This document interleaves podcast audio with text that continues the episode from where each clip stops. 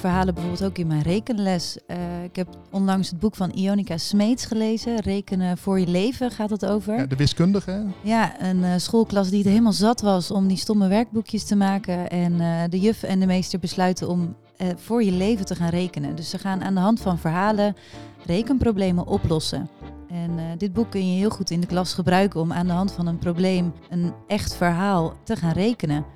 En verder houden verhalen ook leidinggevenden voortdurend spiegels voor. En als wij ons als leidinggevende geen spiegel voor laten houden, dan gaan we heel makkelijk aan de haal en op de loop met uh, de mogelijkheden die we hebben. Hoe we denken dat de andere mensen over ons denken. En ja, over leiderschap, ook over leiderschap op zich zijn al zoveel verhalen waar wijze lessen in zitten. Ja. Dat je het beter via zo'n verhaal kunt doen dan dat je er een theorie aan vastplakt. Voor bijvoorbeeld uh, teams in het onderwijs zijn verhalen denk ik heel belangrijk om juist ook de verhalen van de mensen zelf los te maken. Ze brengen je in een andere werkelijkheid die raakt aan je eigen werkelijkheid, waardoor je die ook in een ander licht gaat zien. Verhalen, goede verhalen denk ik, zetten je op een ander been.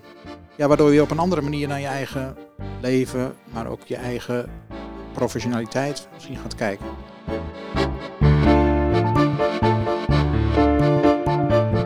In deze aflevering, eh, beste luisteraars, eh, gaan we het hebben over het belang van verhalen in het onderwijs. We gaan dit onderwerp bekijken vanuit de drie perspectieven van mijn podcast: onderwijsontwikkeling, leiderschapsontwikkeling en teamontwikkeling. En daarom heb ik ook drie gasten uitgenodigd. Ze zitten nu voor me, waarvan elk van die persoon één van die perspectieven vertegenwoordigt. Jenaplan leerkracht Mirjam de Vos, leidinggevende Willem de Vos en organisatieadviseur en verhalenverteller Giro de Bruin. Mirjam uh, stelt verhalen centraal in haar onderwijs, maar ook in haar onderwijsvisie. Maar zij heeft dat mogelijk ook een beetje van haar vader Willem. Iemand die al heel veel verzamelbundels heeft uitgegeven, gek is op verhalen, dat ook nog in de brugklasse doet. Misschien gaan we erover horen. Maar vooral ook verhalen inzet in zijn leiderschap of in zijn denken over leiderschap. En Guido is een, uh, in mijn ogen een expert in het live vertellen van uh, verhalen. Uh, uit een ik-perspectief, prachtige monologen. En zet dit medium eigenlijk ook altijd in op, op studiedagen van teams. Misschien komen we daar ook wel over te spreken. We gaan in ieder geval ook een cadeautje uitpakken op het eind van de aflevering. maar daar kom ik nog wel op terug, want Mirjam en Willem, vader en dochter, hebben een prachtig verhalenproject gehad. Ik noem het nu nog maar even een project. Maar wat het precies is, dat is de cliffhanger. Op naar het gesprek.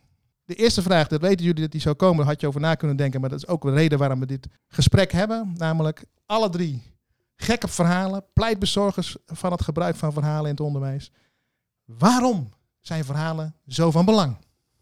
Waarom eigenlijk niet? Uh, ik heb zelf als kind echt ervaren dat uh, uh, verhalen je kunnen grijpen. Dat je echt meegezogen kan worden in een verhaal. Als een leerkracht je echt een verhaal goed kan vertellen.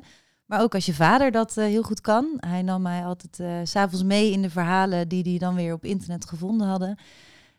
Ja, en je leeft je gelijk helemaal in, in zo'n wereld die even niet van jou is, maar op dat moment echt van jou kan worden. En dat merk ik ook dagelijks voor de klas, hoe de kinderen aan je lippen hangen als je uh, iets verhalend gaat vertellen en uh, hoe ze zich dan kunnen inleven in de situatie. Verhalend gaat vertellen of verhalen gaat vertellen, nou dat gaan we nog uit, uitzoeken wat het verschil daartussen is.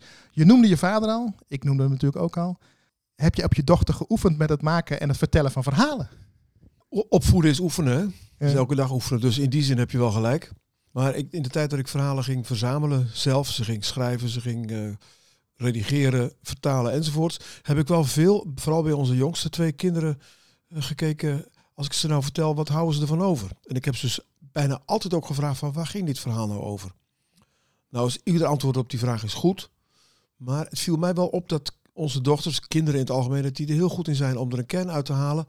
Terwijl volwassenen wel eens denken van, nou, ik weet niet of ik dat verhaal wel begrijp. Nou, over, over dat dat alles wat je eruit haalt, hè, dat dat goed is, hè, dat het bij de luisteraar zit, daar komen we vast op terug. Maar waarom ben je er zo gek op geworden? Ik heb een, eh, een beetje een narratieve studie gedaan, theologie. Maar daar gaat er wel aan vooraf, denk ik, dat uh, van mijn ouders en mijn moeder de verhalenvertelster was. En dat waren vooral de verhalen uit haar jeugd in Venendaal en Amerongen en later in Twente. Daar heb ik nog zoveel van overgehouden. Daar is mijn verliefde voor verhalen wel begonnen. En, en uh, je brengt het dus ook in het onderwijs, want het is, waarom is het dan zoveel belang om in het onderwijs weer of nog steeds voor verhalen te pleiten? In de eerste plaats denk ik omdat heel veel kinderen veel te weinig met verhalen worden geconfronteerd. We verleren een beetje om uh, verhalen door het leven te gaan. In de tweede plaats omdat verhalen ja, enorme wijsheid bevatten. Ik zeg wel eens, een verhaal is, is gestolde ervaring. En allerlei dingen waarvan we in het heden denken dat wij zo slim zijn om het te uitgedacht hebben, die bestonden al lang en die vind je al in verhalen van 1000, 2000 of, of 3000 jaar oud. En werken met ervaring is misschien te linken aan uh, activerende didactiek. Hè? De, ervaringen oproepen bij leerlingen, dan leren ze beter. Zit dat er al een beetje? Ja, want daar komen we straks misschien nog op. Maar er gebeurt in het brein van mensen, dus ook van kinderen, van alles en nog wat als je een verhaal vertelt. Veel meer dan bij een preek of bij een lezing of uh, bij een uitleg. We gaan even naar de expert. Hè? Die gaat het ook niet uitleggen. Dus de verteller. Um, jij werkt dus met verhalen, met teams. Uh, maar waarom zijn voor het hele onderwijs die verhalen volgens jou van belang? Voor mijzelf persoonlijk is de liefde voor verhalen denk ik begonnen op school. Uh, en dat met name door de bijbelverhalen die ik met de paplepel kreeg in, in. En um, die mij achteraf gezien, ja, die meesters en juffen vertelden gewoon die verhalen. Uh, zonder uit te leggen, maar die um, wekte bij mij bepaalde ervaringen die ik misschien pas later kon duiden. En zo werken verhalen volgens mij ook. En voor bijvoorbeeld uh, teams in het onderwijs zijn verhalen denk ik heel belangrijk om juist ook de verhalen van de mensen zelf los te maken. Ze brengen je in een andere werkelijkheid die raakt aan je eigen werkelijkheid, waardoor je die ook in een ander licht gaat zien. Verhalen, goede verhalen denk ik, zetten je op een ander been. Ja, waardoor je op een andere manier naar je eigen leven, maar ook je eigen professionaliteit misschien gaat kijken. Je maakt in die zin ook de link met het hele persoonlijke. Wat, waar, waar de, Willem zei net al, het raakt aan ervaringen. En jij spitst het nog meer toe, ook persoonlijke ervaringen van mensen. Jazeker, ja, ja, ja. dat merk je ook als ik uh, een studiedag of een ouderavond begin met een verhaal. Dat dat vaak uh, bij mensen heel veel verschillende, uh, op heel verschillende punten iets, ra iets aanraakt. Ja. Wat voor hen heel wezenlijk is. En wat dan ineens naar boven komt. Wat misschien waarschijnlijk niet naar boven was gekomen als je met een inleiding was begonnen. Dus ja, zo werkt dat, denk ik. Dus wat, uh, wat Willem ook zei. Um, als jullie dus, uh, en ik heb daar zelf ook het gevoel bij, uh, het belang van verhalen willen bepleiten, dan zit er vaak ook achter, en Willem zei het net al een beetje, dan zou het ook kunnen zijn dat we het missen. Is het, is het zo dat het. Jij, uh, Guido, jij begon met het verhaal hè, toen jij als kind was. Hè, de jaren zeventig. Uh, weet, weten mensen ongeveer waar dat was. Hè, verhalen leefden en wat het met je deed. Dat was dus in het onderwijs. Hoe zit dat nu in het onderwijs? Missen we het? Nou ja, ik werk nu op een openbare school. En kijk, vanuit het christelijk geloof um, zijn er sowieso veel verhalen. Hè. Je vertelt de verhalen uit de Bijbel. En heeft het gewoon echt een vaste plek in het onderwijs. Maar op een openbare school veel minder. En merk je toch dat vaker eventjes een filmpje aangezet wordt of even uh, een liedje of een dansje met elkaar. En dat dat verhalende wel, wat mij betreft, echt aan het verdwijnen is. Uh, terwijl daar nog steeds behoefte aan is. Dus dat uh, zie ik zeker gebeuren, ja. Willem, je zei net al een beetje erover dat, dat, het misschien, dat het misschien afneemt. Ik ben zelf opgevoed zonder televisie. Daar was ik toen heel boos over, want iedereen kon televisie kijken. Achteraf ben ik daar eigenlijk zielsdankbaar voor. Want ik ben wel een beetje bang dat televisie en later is dat door internet overgenomen dat dat heel veel van het verhalen vertellen ja, doodgeslagen heeft. Uh, mooie korte filmpjes, dat zijn ook verhalen op zich. Maar het vertellen van verhalen is wel een beetje doodgebloed doordat de televisie ons amusement allemaal heeft uh, overgenomen. Ja. Wij amuseren ons kapot.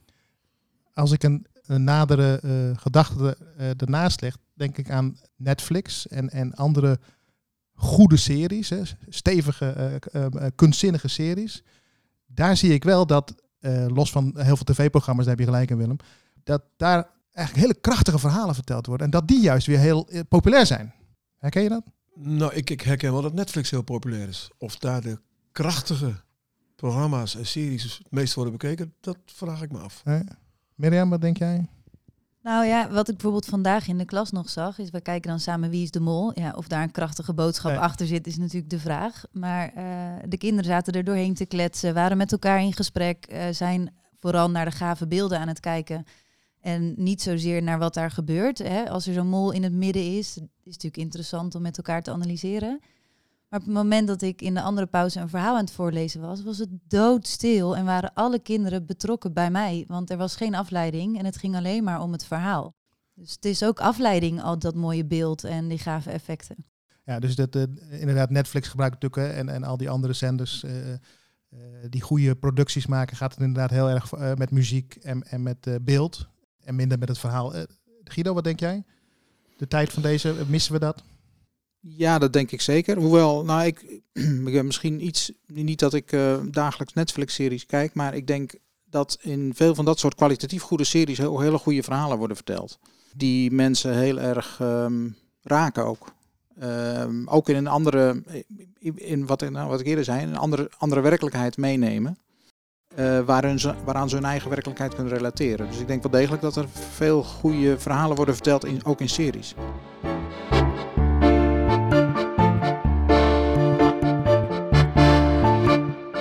Welke verhalen zijn er eigenlijk uh, in jullie levens uh, blijven hangen?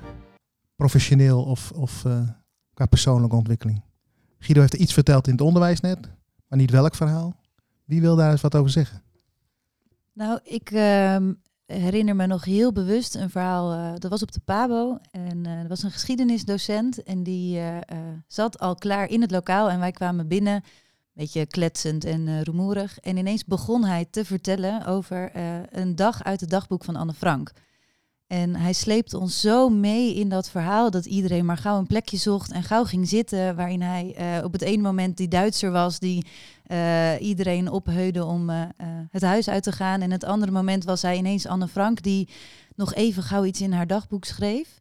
en door de manier waarop hij zo ons meesleepte in dat verhaal, uh, ja, ben ik dat nooit meer vergeten. En ben ik dat zelf gaan uitproberen. Eerst uh, voor de spiegel, uh, daarna een keer mezelf filmen. Van kan ik dit ook zo vertellen? Ja, en toen toch echt ook uitgeprobeerd in de klas. en de kinderen praten daar nog steeds over. Dat was zo indrukwekkend dat je op die manier een verhaal kunt beleven. Nou, ik kom straks bij je terug ook van hoe jij dat misschien zelf nu ook als leerkracht doet. Uh, Willem wil ik wel uitdagen. Jij bent volgens mij ook echt een verhalenverteller. We zeiden het al een beetje tegen elkaar, want het is gek als we geen verhaal zouden vertellen. Ja. Wil jij dat doen? Programma over, uh, over verhalen waar geen verhaal in voorkomt, dat kan natuurlijk niet. Ik heb afgelopen week in, uh, in de school waar ik uh, rector bestuurder ben, heb ik alle brugklassen een les gegeven over verhalen vertellen. En ik heb ze veel verhalen verteld. En de vragen over gesteld en niet uitgelegd. En ja, het verhaal wat ik heel graag vertel altijd, is ook omdat er iets mysterieus in zit, maar het is ook nog bruikbaar eigenlijk overal en nergens. Dat is het verhaal van de rabbijn die een probleem op te lossen krijgt. Hij krijgt twee broers bij zich die een conflict hebben over de erfenis. En ze komen één voor één bij hem. En de eerste haalt met heel veel verven houdt hij zijn verhaal dat hij toch echt recht heeft op het grootste deel van de erfenis. Want hij, heeft, hij is de oudste en heeft zijn vader het meeste geholpen. En de rabbijn die hoort hem aan, is poosje stil, zuigt op het pootje van zijn bril en zegt, volgens mij heb jij gelijk. En die gaat vrolijk de deur uit. Dan komt de tweede broer binnen, die daar niet bij was. En die doet ook met nog veel meer verven zijn verhaal. Want het is toch duidelijk dat zijn vader hem dat beloofd had. Want wat hij toch voor zijn vader betekend had. En als hij zijn verhaal gedaan heeft, dan denkt de Brabijn even na. Zuigt op het pootje van zijn bril en zegt... Volgens mij heb jij gelijk. Dus die gaat ook vrolijk de deur uit. Dan is de vrouw van de rabbijn in de keuken ernaast. En die zegt... Jacob, je kunt toch niet... Die twee, je geeft ze allebei gelijk. Dat kan toch helemaal niet? En dan is de rabbijn even stil. En hij zuigt op het pootje van zijn bril en zegt... Volgens mij heb jij ook gelijk. Ik vind hem heerlijk en bruikbaar. En daar zit die gedachte die je eerder dropte. Dat de luisteraar misschien bepaalt wat nou de kern van het verhaal is. Ja. ja. Ik heb de brug, eh, mag nog hele ja? korte? Ik heb de brugklasses heb ik ook het verhaal verteld van de, de leerkracht, die, de leerkracht Nederlands, die met de klas een boek aan het lezen was. Hadden er boeiende gesprekken over. Ze lazen allemaal hetzelfde boek. Maar sommige vragen kwamen ze niet uit. En toen dacht die leerkracht, ik ken die schrijver nog van mijn studie. Zal ik haar eens uitnodigen, de schrijfster? En hij nodigde haar uit. Ze kwam graag. Ze zat achter in de klas. Het gesprek over het boek ging weer door. En weer verschil van mening over bepaalde punten. Op een gegeven moment zei de schrijver, zal ik ook eens even iets zeggen? En die begon stap voor stap uit te leggen wat het antwoord was. De vragen waar de leerling mee worstelen. En toen was er een meisje dat stak haar vinger op. Zei ze, meneer, mag ik ook wat zeggen? U bent toch alleen maar de schrijver? Nou, sommige leerlingen vonden dat hotsbrutaal. En anderen zeiden, ja, de meisje heeft natuurlijk groot gelijk. Prachtig. Ik moet ook denken dan aan een inspiratie. Waar, uh, die inspiratie heeft die schrijver ook niet van zichzelf. En, en er zijn opvattingen van ik, geef het door. En uiteindelijk nou, de luisteraar doet ermee wat hij of zij wil. Guido, heb jij een verhaal? Ja, ik moest eh, bij die vraag van jou gelijk denken aan een, ehm, een sprookje wat ik zelf nog graag vertel. Ehm, wat ik jaren geleden tegenkwam in een van de eerste boekjes van Anselm Grün, een Duitse monnik die ehm, talloze boekjes heeft geschreven over spirituele ontwikkeling. Eh, en daarbij allerlei bronnen gebruikt, niet alleen uit de christelijke traditie, maar ook bijvoorbeeld sprookjes. Dat ken ik nog niet, maar dat is het sprookje van de drie talen van de gebroeders Grimm. En dat gaat over een oude graaf in Zwitserland. Die heeft een zoon die is zo dom, zo dom dat hij niks kan leren. En hij drijft zijn vader tot wanhoop. En ten einde raad besluit die vader dan maar, ik stuur je naar de beste meesters. En uh, hij gaat drie jaar lang uh, naar een meester. En het eerste jaar komt hij terug en dan heeft hij geleerd wat de honden blaffen. Nou, zijn vader denkt, het is nog erger dan ik dacht. Tweede jaar, na het tweede jaar heeft hij geleerd wat de kikkers kwaken. Dan krijgt hij van zijn vader nog één allerlaatste kans om iets zinnigs te leren. Nog een jaar. Dan heeft hij geleerd wat de vogels fluiten. En je voelt hem natuurlijk al aankomen. Dan verstoot zijn vader eh, zijn zoon, want hij zegt, ja, het is hopeloos. Ik uh, kan niks met jou meer beginnen. En dan trekt de jongen de wijde wereld in. Ja, dan begrijp je natuurlijk al, dan heeft hij, blijkt hij precies geleerd te hebben wat, uh, wat hij nodig heeft op zijn levensreis. Waardoor hij tot zijn uiteindelijke bestemming komt. Ik zal het uh, nu niet verklappen.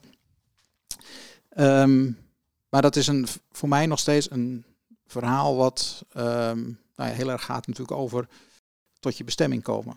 Uh, wat, wat mij persoonlijk nog steeds raakt, maar volgens mij ook een verhaal over onderwijs. Daarom gebruik ik het ook vaak um, bij studiedagen of ouderavonden. Als een verhaal wat de verhalen van mensen zelf oproept over wat is nou eigenlijk, waar gaat het nou eigenlijk om? Wat is nou belangrijk om te leren? Ja, het sprookje heet de drie talen, maar eigenlijk gaat het over twee talen. Natuurlijk de taal van de vader de taal van het nut en het rendement.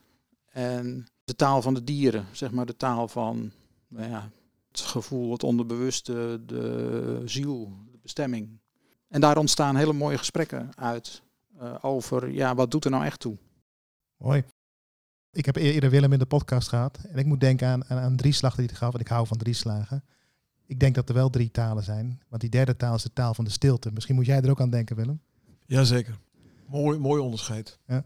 En, en, en misschien mooi toepasbaar toch uh, bij dit verhaal. Drie voorbeelden van hoe verhalen uh, werken in het onderwijs en zelfs in jou als persoon. Uh, heeft een van jullie ook, los van het onderwijs en los van een verhaal als instrument, ook een verhaal dat je zelf ehm, met je meedraagt of dat, dat belangrijk is in geweest in je persoonlijke ontwikkeling? Dat het zelfs ook daar een rol kan spelen? Nou ja, voor mij is het, dat sprookje wat ik nu net noemde, is ook voor mij persoonlijk van betekenis geweest. In de zin van mezelf, hoe zeg je dat? Steeds meer te kunnen oriënteren op wat, waar, wat is nou eigenlijk mijn bestemming? Ja. Waar ligt die? En je kunt het natuurlijk heel diepte psychologisch aan duiden, hè, die taal van die dieren. Uh, maar dat heeft mij ook wel geholpen om bijvoorbeeld nou, die taal van de honden. Dat is natuurlijk ja, diepste psychologisch gezien hè, de taal van de, van de driften. En dat blijkt in dat, in dat sprookje dat um, die jongen komt dan op een gegeven moment uh, wilde honden tegen. Die blijkt moeten een schat bewaken. Nou ja, dat is natuurlijk ja, het is voor mij persoonlijk ook heel erg alle, alle zeg maar, de donkerte in mijzelf, om die onder ogen te zien. In plaats van die te willen uitbannen of um, al, alleen dan, op, alleen op die manier kun je uh, bij je innerlijke schat komen. En dat is voor mij zelf uh, ook voor persoonlijk heel wezenlijk geweest. Ja, mooi, mooie duiding. Willem? Nou, voor mij is het eerste verhaal dat, dat mij ooit geraakt heeft en dat me altijd bijblijft, dat is het verhaal van de profeet Nathan in de Bijbel, die uh, de stoute schoenen aantrekt en een verhaal aan koning David uh, vertelt. Waarbij de koning aan het einde zegt, jongen, dat kan niet, die moeten ze, ik weet niet wat doen. En dan zegt hij, ja maar koning, dat ben je zelf. Zo horen verhalen natuurlijk over het algemeen te werken. Hè? Wat, wat, zegt het mijzelf, wat zegt het over mijzelf? En ik, dit vind ik, vind ik narratief wel zo'n zo'n vondst van een profeet tegenover een koning die uit zo uit de bocht gevlogen was dat er niemand was die op hem af durfde te stappen en uh, durfde te zeggen van wat je nou hebt gedaan. Nou, dat was geen mooie manier om hem duidelijk te maken. Ik weet niet of de mensen hem kennen, anders dan... Uh... Zou je nog moeten vertellen? Nou, uh, ik zou zeggen, laten ze me opzoeken. Want de, de kennis van religie en, en, de bronnen van onze cultuur zijn ook niet zo bekend. En laten de mensen het maar opzoeken. Heel goed. Wel, welk bijbelboek? Koningen. Koningen. Mirjam, heb, heb, jij ook een verhaal dat je zegt van, nou, die, die heeft me, je hebt natuurlijk al wel verteld hoe die geschiedenisleraar dat had en jij vader je natuurlijk verhalen vertelde. Nou, er is wel een specifiek verhaal. Uh, het is wel onderwijs gerelateerd, maar het zet mij persoonlijk ook aan het denken. En dat is het verhaal dankbaarheid.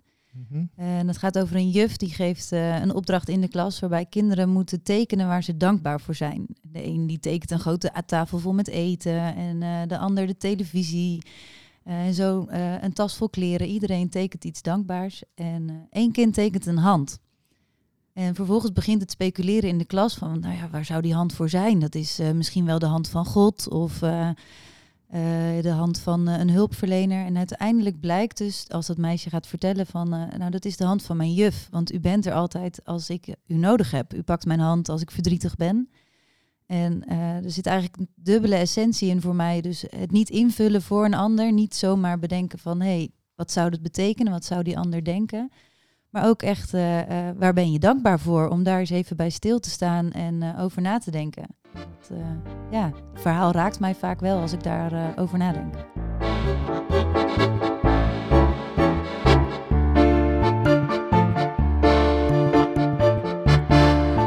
Mooi hoe, eh, in ieder geval bij mij al gebeurt als jullie die verhalen vertellen, wat de kracht van verhalen zijn. Aan het begin heb ik gezegd, maar ik wil ook gaan kijken met jullie naar die drie perspectieven. Hoe gebruik je nou verhalen? Maar ik vind het wel mooi dat we dit nu met elkaar ook ervaren. Van die verhalen en dat die een eigen kracht hebben. En de luisteraar moet maar zelf gaan overwegen eh, waar je geraakt bent in, in de voorbeelden en de verhalen die, eh, die jullie gaven. Ehm, maar laten we eens inderdaad eens even kijken hoe, eh, Mirjam, hoe jij op jouw school of welke suggesties je hebt voor allerlei leraren en, en, en leidinggevenden in het onderwijs om verhalen als instrument te gebruiken, dat is één. Of inderdaad om wat meer verhalend les te geven. Want je hebt mij al gezegd dat jullie werken met narratief ontwerp. Nou, ik heb al een aantal dingen gezegd, dus vertel eens even wat verhalen allemaal niet kunnen in het onderwijs. Ja, eh, absoluut een hele hoop. Ehm, de makkelijkste variant is eh, gewoon even tijdens een rustmomentje een verhaal vertellen of voorlezen. Eh, en dan zit je natuurlijk puur in de ontspanning. Maar ik gebruik verhalen bijvoorbeeld ook in mijn rekenles. Eh, ik heb onlangs het boek van Ionica Smeets gelezen. Rekenen voor je leven gaat het over. Ja, de wiskundige. hè? Ja, een eh, schoolklas die het helemaal zat was om die stomme werkboekjes te maken. En eh, de juf en de meester besluiten om voor je leven te gaan rekenen. Dus ze gaan aan de hand van verhalen rekenproblemen oplossen. En dit boek kun je heel goed in de klas gebruiken om aan de hand van een probleem een echt verhaal te gaan rekenen. Dus zo eh, eh, zorg je eigenlijk voor een kapstok voor de kinderen. En als ze dan in een ander moment weer dezelfde sommen maken, dan kan je zeggen: hey, weet je nog? Toen we de omtrek van het voetbalveld gingen uitrekenen, omdat jij wilde weten in eh, hoeveel tijd je er omheen rent. Oh ja, zo had ik dat opgelost. En eh, nu kunnen ze dat weer toepassen. Ja, ja. Dus je maakt echt een kapstokje Ja. voor de kinderen. En is dit, al, is dit al ver- verhalend ontwerp of narratief ontwerp? Of is dat wat anders nog? Nou, het verhalend ontwerp, eh, eh, dat is wel echt anders. Dan ga je eigenlijk van tevoren doelen bepalen. Wij gebruiken het bijvoorbeeld bij wereldoriëntatie. Welke doelen wil je behalen? En je begint met een startverhaal. Dat kan een verhaal zijn over, eh, nou ja, in ons geval een meisje wat in de Amazone op stage gaat en per ongeluk een brief verkeerd verzonden heeft. En eh, daarmee zet je de kinderen aan het werk. Ga maar eens ontdekken, wat kun je hier uithalen? Wat kan je hier nu mee? En eh, gedurende een week of twee, drie, vier komen er dan steeds meer onderdelen van dat verhaal aan het licht. En laat je de kinderen door een verhaal de doelen behalen. Willem, jij zei eerder in het gesprek van ja, de, de, de, de, ik weet niet meer hoe het precies zei, maar dat, dat verhalen ook heel wat doen in, eh, in ons. Hè? Dat, dat, dat, dat ze een bepaalde werking hebben. Je hoort nu twee voorbeelden van hoe dat in de klas bij, bij Mirjam kan. Zit daar dat idee van jou achter van dat verhalen een bepaalde werking hebben? Of dat het bij de mens hoort? In ieder geval dat eh, verhalen veel beter blijven hangen. Altijd zo geweest. Alleen nu hebben we het ook via neurologisch onderzoek weten aan te tonen. Dan wanneer je iets brengt, iets stelt, iets uitlegt, iets voorspiegelt. Ja. Dan eh, gaat het eh, taalcentrum gaat aan en het geheugen gaat aan. Maar bij een verhaal gaan de emoties gaan spelen. Allerlei Dus de- persoonlijke ervaringen de gaan diep- spelen. De diepere breinlagen eigenlijk, als je nog wat, wat, wat zakelijker zegt. limbisch systeem waar gevoelens en emoties in, eh, in zitten. Verhalen zorgen direct dat emoties worden geraakt. Terwijl ja, sorry dat ik het zeg, maar bij de gemiddelde les wel van Mirjam natuurlijk, maar voor de gemiddelde les eh, gaan de emoties niet direct eh, aan. Of ja, of de leerkracht moet boos worden. Nee. De leerling moet daarvan sidderen, maar verder. eh, dus verhalen raken van alles en nog wat. Ja. Nee, daar, zit, dus daar zit de kracht. Ja, ik moet ook denken aan, aan ehm, geheugenspelletjes. Ehm, als je de- de- heel veel getallen moet onthouden, dan, dan wordt je in feite, de truc is, wordt je aangeleerd van maak een verhaal met een bekende omgeving. Nou, denk terug aan jouw narratieve ontwerpen of, of dat voorbeeld van die rekenles. En dan ga je inderdaad, dan kun je die, die, moeilijke uh, cijfers, want er kunnen geloof ik maar vier of, of, of, of zestallen hooguit echt, echt goed onthouden. Maar die ga je dan koppelen aan dat verhaal. Zoiets ook? Ja, het, dat werkt absoluut zo. Er zijn allerlei, als je uh, koppelbegrippen aan voor hebt in je omgeving enzovoort, kijk nog een keer rond en je hebt het in je geheugen zitten. Ja, ja. Dit zou de beta-kant zijn van verhalen, hè? hoe het werkt, hè? Dus, dus met de hersenen erbij. Guido, ik ken je al een langere tijd. Jij bent meer een alfa, alfa mens, een taalmens. Waar zit de kracht van een goed verhaal wat betreft uh, ons, ons talige vermogen? Verhalen stimuleren denk ik de verbeeldingskracht. Um, omdat ze je in een andere werkelijkheid brengen. Dus daar, daar zit het hem vooral in, denk ik. En ik denk dat een, um, maar dat heeft, dat heeft niet zozeer met taalvermogen te maken, maar dat um, een goed verhaal heeft ook, al, ook, ook altijd iets weerbarstigs, waardoor je ermee bezig blijft. Um, een goed verhaal is niet moralistisch in de zin van hè, het, het, einde is voorspelbaar en uh, je hebt dan een les geleerd. Maar er zit, verhalen zit altijd iets weerbarstig, waardoor je, waardoor je er mee bezig blijft. Wat bedoel je precies met weerbarsten? Nou ja, kijk, um, um, neem bijvoorbeeld een Bijbelverhaal als het offer van Isaac. De binding van Isaac, zoals het wordt genoemd. Hè? Dat is natuurlijk een, een bizar verhaal in feite. Tot je beseft dat je misschien als ouder, misschien wel vaker dan je denkt, bezig bent met uh, bij wijze van spreken je kind op te offeren. Aan de doelen die je zelf, de verwachtingen die je zelf uh, hebt gesteld. Dus dan aanvankelijk is iets wat, wat enorme weerzin oproept. Het idee dat je, dat, je, dat je je kind zou kunnen offeren, roept iets op van, hé, hey, maar speelt dat misschien ook in mijn eigen leven op een bepaalde manier een rol? Ja. ja. Ik, vroeg, ik vroeg er even op door, want ik, ik zat zelf ook te denken, maar dan ga ik weer iets meer die beta-kant op. We weten van hoe we leren dat we natuurlijk mentale modellen hebben. En, en, en, als je wat nieuws leert, dan wordt eerst je oude mentale model wordt, uh, uh, op zijn grondvesten uh, gaat die schudden.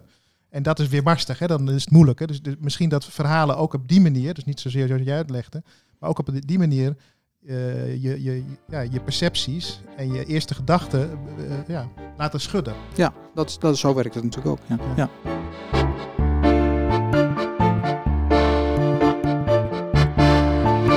Dit is onderwijs. Heeft iemand nog een idee bij van, als we nadenken over onderwijs, je kunt brugklaslessen geven als bestuurder. Hè? Dus dat, dat doe jij al, hè?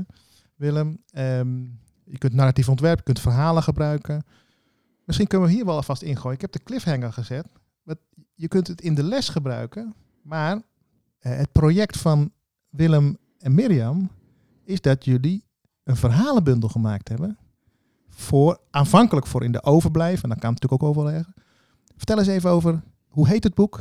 En wat zit erin, even kort? En wat is jullie uh, bedoeling daarmee? Ja, het boek heet uh, Een gat in de dag. En ik probeer in mijn dagelijkse, nou ja, mijn dagen voor de klas, probeer ik af en toe even te zorgen voor een gat in de dag door middel van een verhaal te vertellen. Even een momentje van rust, even met elkaar over een verhaal nadenken.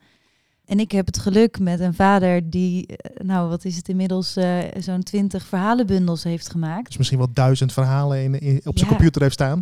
Ja, 2000, 2000 En dat geluk heeft niet elke leerkracht in Nederland. Dus ik zei tegen mijn vader van, joh, moeten wij jouw verhalen niet eens bundelen, zodat ook andere leerkrachten hier gebruik van kunnen maken? En uh, uh, ja, de overblijfmomenten zijn toch vaak een momentje dat je even gauw dat filmpje aanzet.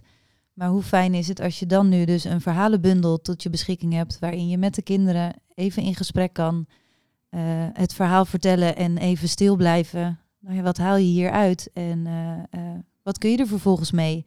Staan allerlei tips in voor de leerkracht. Even een kort spel, uh, een opdracht die je ermee kunt doen om uh, aan het denken te zetten. Ja, het is mooi uitgegeven. Hè? Dus dat, uh, nog even de titel, dat mensen kunnen onthouden. Een gat in de dag. De ondertitel is verhalen, vragen en openingsteksten voor het overblijven op school. Maar jullie geven al aan, je kunt het ook elders gebruiken in een gat in de dag. En misschien zelfs als dagopening. Ik moet terugdenken aan de, de Bijbelverhalen van Guido. Uh, uh, maar het is voor iedereen uh, mooi uitgegeven en, en ook mooi gedidactiseerd. Hè? Dus jullie hebben een aantal verhalen verzameld en die heb je geordend op een aantal ja, leefthema's. Sommige zijn wat, wat, wat, wat dieper en zwaarder en andere zijn gewoon, die horen gewoon alles wat, wat een kind meemaakt. Hè? En dan tijdens, daar komen er een paar verhaaltjes per thema, maar ook een didactische uitwerking of een suggestie voor een vraag.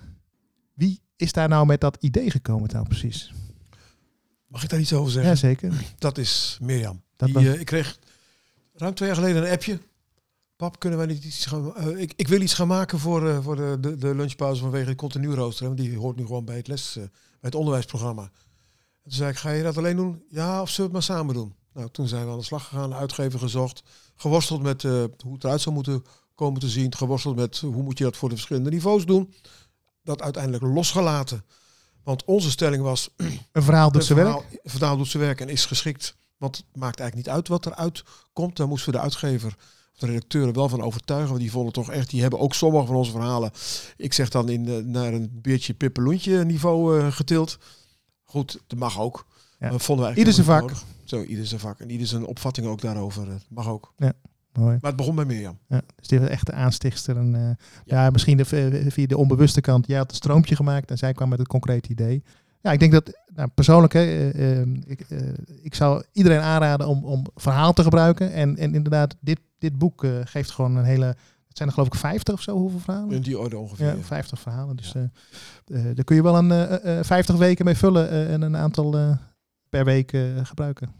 Ja, en je kan ze natuurlijk voor de klas gebruiken, maar eh, ik gebruik ze ook in een teamvergadering om eh, even mee te openen of in een oudergesprek eh, of een ouderavond om daarmee het ijs even te breken of even mensen aan het denken te zetten, uit de dag te halen. Ja, en letterlijk even een gat in de dag te creëren. Een Ja. momentje van bezinning misschien wel.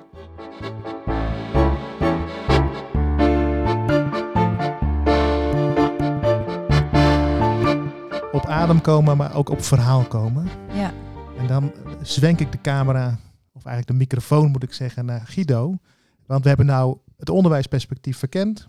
Een aantal dingen over gezegd. We houden nog leiderschap en en teamontwikkeling over. Maar misschien is het nu mooi naar de teamontwikkeling. eh, omdat je dan dat bruggetje geeft. Want je, Guido, jij gebruikt eh, in jouw werken met schoolteams ook heel veel verhalen. Kun je daar iets over vertellen hoe je dat doet? Met welke reden? Ja, nou ja, goed. Het, eh, Mirjam geeft natuurlijk al een voorbeeld van hoe dat in het klein kan werken. Alleen al doordat je een, eh, tijdens een eh, teamvergadering met een verhaal begint, roept dat alweer verhalen op en roept dat bezinning op. En zo kun je dat ook doen. En doe ik dat bijvoorbeeld bij teamdagen of bij, nou ik noemde het al, bij ouderavonden. eh waarin ik een verhaal inzet om verhalen op te roepen. En dan met name over, ja, waar gaat het nou eigenlijk om voor ons in het onderwijs? En wat heeft het met mij persoonlijk te maken? Wat, wat drijft mij? Om veel meer die aandacht te richten op de bedoeling van onderwijs. Nou, zoals bijvoorbeeld aan de hand van dat sprookje. Dat je het met elkaar hebt over wat vind ik nou, wat vind ik nou belangrijk om aan kinderen mee te geven voor hun leven. Niet alleen maar ehm, de resultaten of eh, een hoge score of ehm, eh, eh, een, een, een, een, een, een, hoog advies voor eh, vervolgopleiding. Maar wa- wat is nou echt wezenlijk om aan kinderen mee te geven om mens te worden? Nou, inderdaad, verhalen eh, roepen die verhalen dan op bij mensen. Ja. Ehm, waardoor ze weer even bezig kunnen zijn met de essentie van hun vak en hun, ook hun, hun, persoonlijke ehm, ehm, ja, roeping, zou ik bijna zeggen. Ja, een persoonlijke verhaal. Daar heb ik gelijk wel een vraag bij. Ik heb zelf in het onderwijs gezeten. Ik heb zelf ook eh, onderwijsadvies gezeten. Ik werk ook met teams. Lukt het altijd om vanuit dan een krachtig en prachtig verhaal... uiteindelijk dan dat delen van het persoonlijk verhaal bij die leerkrachten... of bij die directeuren met wie je ook zit te leggen... Want het vraagt ook iets om, en Mirjam zei het net al, je moet even uit de, de stand van de dag. En het is toch een vorm van openheid of kwetsbaarheid die niet iedereen eh, of niet elk team zomaar ja, in de sfeer van het team of in de persoon heeft. Kun je daar iets over zeggen? Wat je daar maar voor moet doen, eh, hoe je daar rekening mee houdt? Nou ja, dat hangt inderdaad heel, heel erg af van het team. Eh, hoe, er moet inderdaad wel een soort basisveiligheid zijn. Ehm, en als, dat, als die er niet is, dan moet, je eerst, moet er iets, iets anders gebeuren, denk ik. Eh, en eh, je, je hebt soms ook gewoon een goede gesprek. Je hebt vaak ook een goede gespreksvorm nodig. Om, om ehm, mensen ook een beetje te helpen om aan de hand van dat verhaal, om dat verhaal in de richting van hun persoon te duiden. En wat is zo'n vorm dan bijvoorbeeld? Nou ja, dat zijn er soms gewoon goede gespreksvragen. Dat kan alleen al heel veel, heel veel helpen door bijvoorbeeld even wat aan te reiken van eh, wat heb je in dit verhaal gehoord? Er zitten verschillende thema's in. welk thema heeft jou het meest aangesproken? En hoe speelt dat voor jou in jouw leven? Uh, speelt dat een rol? En wat heb, je, wat heb je daar misschien in de loop van je leven geleerd aan levensles of levenswijsheid? En hoe wil je daar iets van aan je eigen kinderen of aan je leerlingen meegeven? Nou, alleen al zo'n structuur helpt om nou ja, dat gesprek met elkaar te voeren en die verhalen naar boven te, te halen. Ja. Ik had onlangs ook een podcast ehm, eh, over het eh, boek uh, Wereldgericht Onderwijzen, ehm, of Wereldgericht Onderwijs, Biesta in de praktijk. En daar gaan ze op drie handelingswoorden, handelingsperspectieven noemen ze het geloof ik. Namelijk dat de leraar eerst onderbreekt, vervolgens vertraagt en vervolgens ondersteunt. Dat dat, dat drie manieren zijn, drie handelingsperspectieven, waardoor je subjectificatie bij de leerling, dat de leerling zijn persoonlijk verhaal kwam of zijn persoonlijke uh, ideeën, keuzemogelijkheden overdenkt. Dat hoor ik een beetje terug in wat je nu zegt in feite. Dat verhaal zou dan hetgene zijn wat even onderbreekt. Vervolgens is de vorm die je voor het gesprek kiest, is die van uh, vertragen. Hè? Dus, de, dus door te denken geven, die vragen geven te denken. En dan ondersteunen kunnen die vragen ook zijn. En ik zelf, misschien kunnen de anderen ook iets zeggen, uh, zit ook te denken dat er andere manieren van ondersteunen nodig is. Bijvoorbeeld door um, niet één vraag te geven om te verwerken, maar vijf om uit te kiezen. dus dan, dan ga je ondersteunen om het gesprek dat ook wel kwetsbaar is, uh, ga je mogelijk maken. Of dat je, uh, dat zit dan ook een beetje in die vertraging weer, dat je vormen kiest waardoor je niet gelijk het achterste van je tong hoeft te laten zien, maar dat je stap voor stap uh, daardoorheen kunt gaan. Herkennen jullie dat? Met name dat ondersteunen. Ik kijk even naar Willem. Uh, uh, misschien jij in je team. En ik weet van jou dat je met je leiderschap ook regelmatig de hei op gaat en verhalen deelt in een klooster. Maar dat dat ondersteunen en, en die veiligheid zou je het ook kunnen noemen. Dat het van belang is als je dit gesprek in een team organiseert. Omdat het verhaal zichzelf uitlegt. Stel dat ik het met een bepaalde bedoeling op tafel vertel. Ik weet niet precies wat ermee gebeurt. Maar mensen gaan erover aan denken. En ik, ik heb bijvoorbeeld de gewoonte, misschien wel de hinderlijke gewoonte, om ieder overleg, kan niet schelen waar, ik doe ook nog wat bestuurlijk vrijwilligerswerk. Elk overleg te beginnen met een verhaal. En dat is misschien, het is ondersteunend, misschien ook wel onderbrekend. Ja, dat is vooral onderbrekend. Voor je het weet, ja. voor je het weet gaan mensen in de traditionele klassieke vergadertrand zitten. En vergaderen is in ons land vooral overleven. Ja. Zo, hier zijn we ook weer doorheen. Schadevrij en uh, pff, is niet te ingewikkeld geworden. En een verhaal zo dat je in een andere stand uh, terechtkomt. Dat het, zodat het ook niet zo uitnodigt van, nou, nou gaan we nou eens even lopen zeuren over de noodhulen. Nee. Die, als ik trouwens kans krijg, dan slaakt hij ook over. Nee, maar die onderbrekende functie, die hoor ik er duidelijk in. En, en in feite ook de vertragende functie, want het geeft te denken. Je komt een andere mindset te zitten. Tijd, uh, ook tijd daarna creëren. Je kunt er vragen over stellen. Je kunt ook gewoon een poosje stil zijn. Iedereen zijn snuit laten houden. En als je ze dan, hè, zoals in het voorbeeld van, van in veel teams gebeurt, waar Guido over vertelt, dat mensen dan uh, wat dieper in gesprek gaan met elkaar. Dan zoek ik toch ook omdat ik er zelf ook ervaring mee heb, hoe, hoe, hoe, hoe zoek je dan toch dat het voor iedereen een, een, uh, veilig is om datgene wat het bij ze oproept, namelijk vooral. Niet zozeer wat het verhaal zelf oproept, maar het zijn persoonlijke verhalen die gedeeld worden in de voorbeelden die ik hier uh, Guido hoor zeggen. Wat zijn daar dan voor ondersteuningen nodig in een team dat dat mogelijk is? Misschien zit het in de randvoorwaarden, niet zozeer in het verhaal hoor. Als ik kijk naar mijn, mijn schoolleiding, daar zit het vooral in het feit dat we de voor zover er iets veilig is in, in, de wereld, dat we de nodige veiligheid al gecreëerd hebben. Dat we het gewoon aan kunnen om uh, van iemand te horen wat een verhaal bijvoorbeeld oproept. En wat het uit zijn jeugd naar boven brengt. Of zijn verhouding met, met ouders. Als een verhaal over ouders gaat, of als een verhaal gaat over vergeving, dan komen er bijna altijd dat soort ervaringen ja, naar boven. Maar dat, dat, kan in dat team, dat kan niet overal. Nee. Je kan ook niet in een personeelsvergadering met uh, 150 mensen Nee, maar, proberen op te roepen. Maar daarom zoek ik het dus naar. Hè? Van, als je ze gebruikt, we weten dus dat er een kracht in zit. We weten dat het persoonlijk gaat. Nou, jullie zijn mensen die ervan houden en elkaar meewerken en het laten binnenkomen en erover kunnen vertellen. Maar ik zit ook te denken, niet iedereen kan dat. En toch geloven wij allemaal in de kracht van verhalen en hoe goed het is om daar op door te praten. Nou, jij zegt inderdaad, je moet elkaar goed kennen in zo'n team.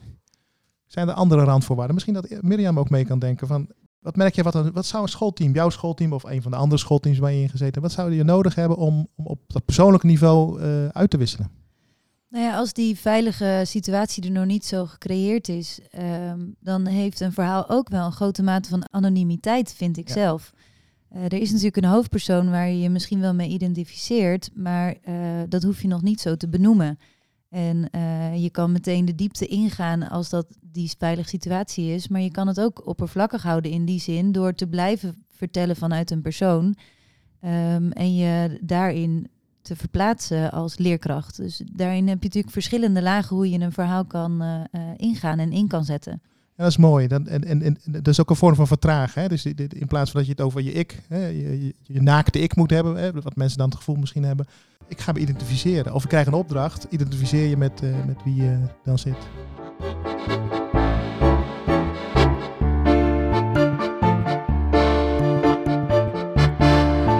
In persoonlijk leiderschap, Willem, dan kijk ik jou aan, want het is jouw uh, werkthema van de afgelopen 10, 20 jaar al wel. Hoe kunnen verhalen volgens jou een rol spelen in, in, in leiderschapsontwikkeling of in leiderschapvaardigheden, als ik het zo koud kan zeggen? In elk geval, het gaat om autobiografie, want het is volgens mij heel belangrijk dat je je eigen leven kent, dat je je eigen levensloop op een mooie manier kunt uh, beschrijven. En ook uh, ja, daaruit kunt destilleren van wat heeft mij nou en wat heeft mij nou in vredesnaam toe gebracht om leidinggevende te worden? Mensen zeggen nog alles, ja, ik ben erin gerold. Nou, dan krijgen ze van mij een dikke onvoldoende. Want ik zeg, je rolt nergens in. Je rolt ook nergens uit. Je bent erin gestapt. Misschien ben, heb je een duwtje gehad, maar je bent erin gestapt. Dus het autobiografische gedeelte. En verder houden verhalen ook leidinggevenden voortdurend spiegels voor. En als wij ons als leidinggevende geen spiegel voor laten houden, dan gaan we heel makkelijk aan de haal en op de loop met uh, de mogelijkheden die we hebben. Hoe we denken dat andere mensen over ons denken. En ja, over leiderschap. Ook over leiderschap op zich zijn al zoveel verhalen waar wijze lessen in zitten. Ja. Dat je het beter via zo'n verhaal kan doen dan dat je er een theorie aan vastplakt. Ja, ja. Theorie leidt tot braaf volgen. En een verhaal denk je, schrikt op. Zegt, oh ja, hey. Maar dus de vraag waar ik mee zit, die, die was er 3000 jaar geleden ook al. Veel managementboeken gaan juist van een ander concept vaak uit. Van het, het, het, het, moet zo, het moet wel appelleren, maar het moet zo praktisch mogelijk. En het wordt allemaal in, in, in, in, in stappenplantjes van 1, 2, 3 en dan ben je een goede leider. Dat klinkt niet helemaal à la Willem, volgens mij. Nou, je noemde het net al, hè, die drie talen. Je hebt de taal van het, van het nut en van de maakbaarheid. Je hebt de taal van, en van de kraakbaarheid ook trouwens. Je hebt de, de taal van de, van de verbeelding van de fantasie. Ja. En je hebt dan de taal van de stilte. En ik heb ooit in een boek geschreven, het is niet zo dat je die eerste taal niet nodig hebt, maar als het bij die eerste taal blijft en de fantasie en de stilte komen niet mee, dan levert het niks op. En verhalen halen de dagelijkse werkelijkheid en ook wat je allemaal denkt te kunnen maken en doen, halen dat naar het niveau van de fantasie en uiteindelijk ook van de stilte.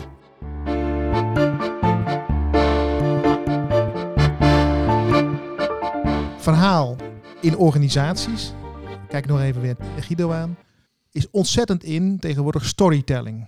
Hè, waar mensen uh, mee bedoelen dat uh, een organisatie, ook een school, heeft een verhaal. Uh, vroeger, vroeger, hadden ze een identiteit, nu hebben ze een verhaal. Hè? Dat is het eigenlijk het idee. Als je gaat storytelling, dan ga je in de organisatie zoveel mogelijk mensen uh, aan het woord laten om hun verhaal te vertellen, om dan het verhaal van de school te vertellen, om het zo maar eens even te zeggen. Hoe kijk jij daar tegenaan als, als, als, als, als verhalen vertellen? Jij geeft nu even een betekenis hè, van storytelling aan. Ik heb het idee dat het heel veel verschillende dingen kan betekenen. Mm -hmm, zoals? Nou ja, het kan natuurlijk ook gewoon een plat marketinginstrument zijn. Van we gaan het verhaal van de organisatie vertellen. Dat gevoel heb ik wel vaak, als, de, als die term wordt gebruikt in ieder geval. Um, en wat ik soms lees van wat dan het verhaal van een school wordt genoemd, mm -hmm. is in feite geen verhaal, maar een, meer een soort manifest van dit, hier staan wij voor. Mm um, dus ik ben er ook een beetje beducht voor, voor het storytelling. Waarbij ik ook me afvraag of, je, of dat überhaupt moet, zullen we zeggen. Een soort afgerond, of, of de school een afgerond verhaal moet hebben. Misschien moet, moet het een verhaal met een open einde zijn altijd. Ik ben er wel heel erg voor, dus om die verhalen van de mensen in de school op te halen. Steeds weer uh, dat, dat mensen elkaar die, die verhalen blijven vertellen. Ja, maar zonder die term te gebruiken. Ja, ik, ik, ik, gebruik die term niet zo vaak. En of dat dan inderdaad tot een soort overkoepelend verhaal moet leiden, daar ben ik ook daar ben ik eerlijk gezegd een beetje beducht voor. We gaan het even testen bij een leerkracht. Mirjam, wat is het verhaal van jouw school? Ja, is, dat er, hè? Wat je... Mijn school heeft zeker een verhaal, um, maar of ik het zo als een storytelling verhaal uh, kan vertellen, nee. Uh, ja, wij zijn een Jeneplanschool en dat is wat het, uh, de school ademt vanuit het wereldoriëntatie uh, onderwijzen met hoofd, hart en handen. Uh, met ruimte voor gesprek, spel, werk en viering. Ja. Uh, dat zijn eigenlijk de woorden die we overal rondbezuinen over onze school. Ja, en dat is dan meer een manifest, hè? zou je kunnen zeggen wat, wat Guido net zei. Het is een, of het is in ieder geval ja, niet helemaal een manifest, maar het is een aantal eh, pijlers of, of, principes die je, die je dan vertelt. Maar of het een narratieve storytelling is, dat is dan de vraag. Willem, hoe, hoe doe je dat bij jullie school? Is, is storytelling in of, of, of hebben jullie een verhaal?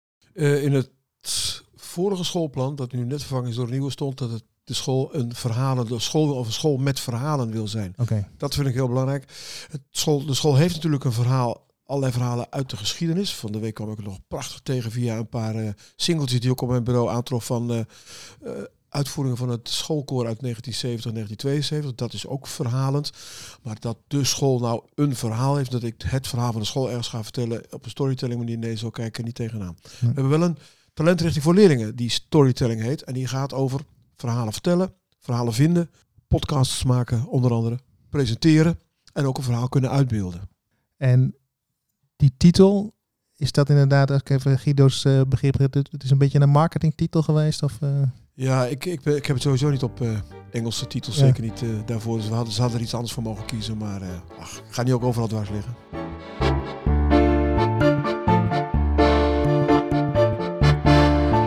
Jullie krijgen alle drie nog even de, de vloer. want ik eindig de podca podcast altijd met tips. Tips voor leraren en leidinggevenden. Een tip voor leidinggevenden zou zijn: word je bewust van wat je met een verhaal kunt doen, zodat je dingen niet hoeft te, te omschrijven, geen dik stuk over hoeft te schrijven. Soms is een verhaal al genoeg om duidelijk te maken waar het om draait of om het gesprek op de goede manier op gang te krijgen. Zoek ze op, er zijn er zat.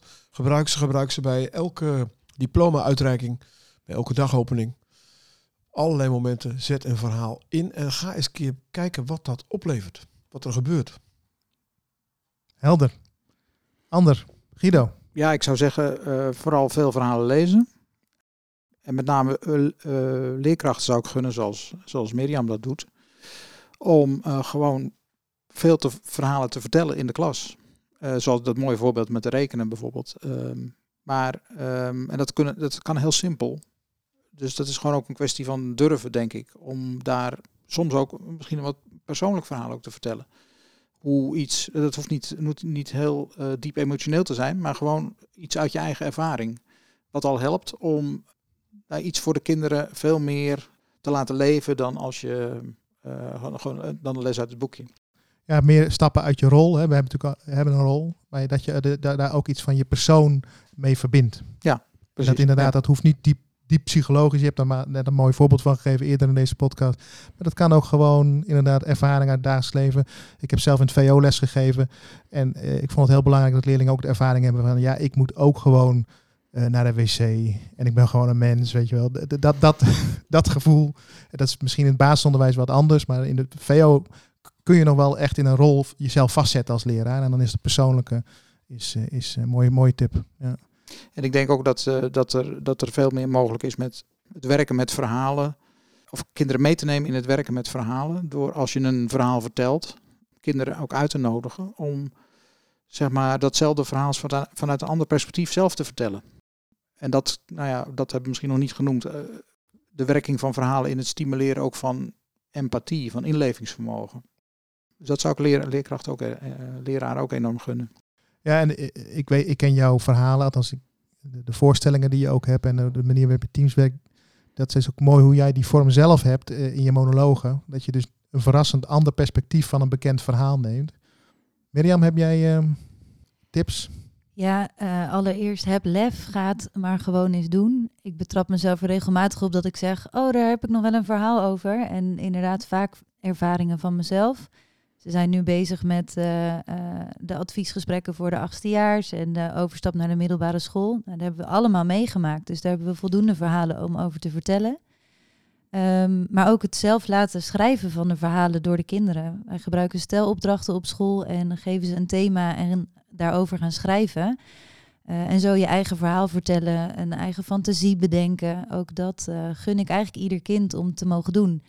En uh, bij mijn ouders thuis ligt nog van mijzelf zo'n stelschriftje van vroeger. En als ik dan die verhalen ook teruglees, dan denk ik, wat is het heerlijk om als kind zo vrij te kunnen schrijven en uh, je te kunnen verdiepen in een verhaal. Dus dat uh, gun ik ieder kind en elke leerkracht.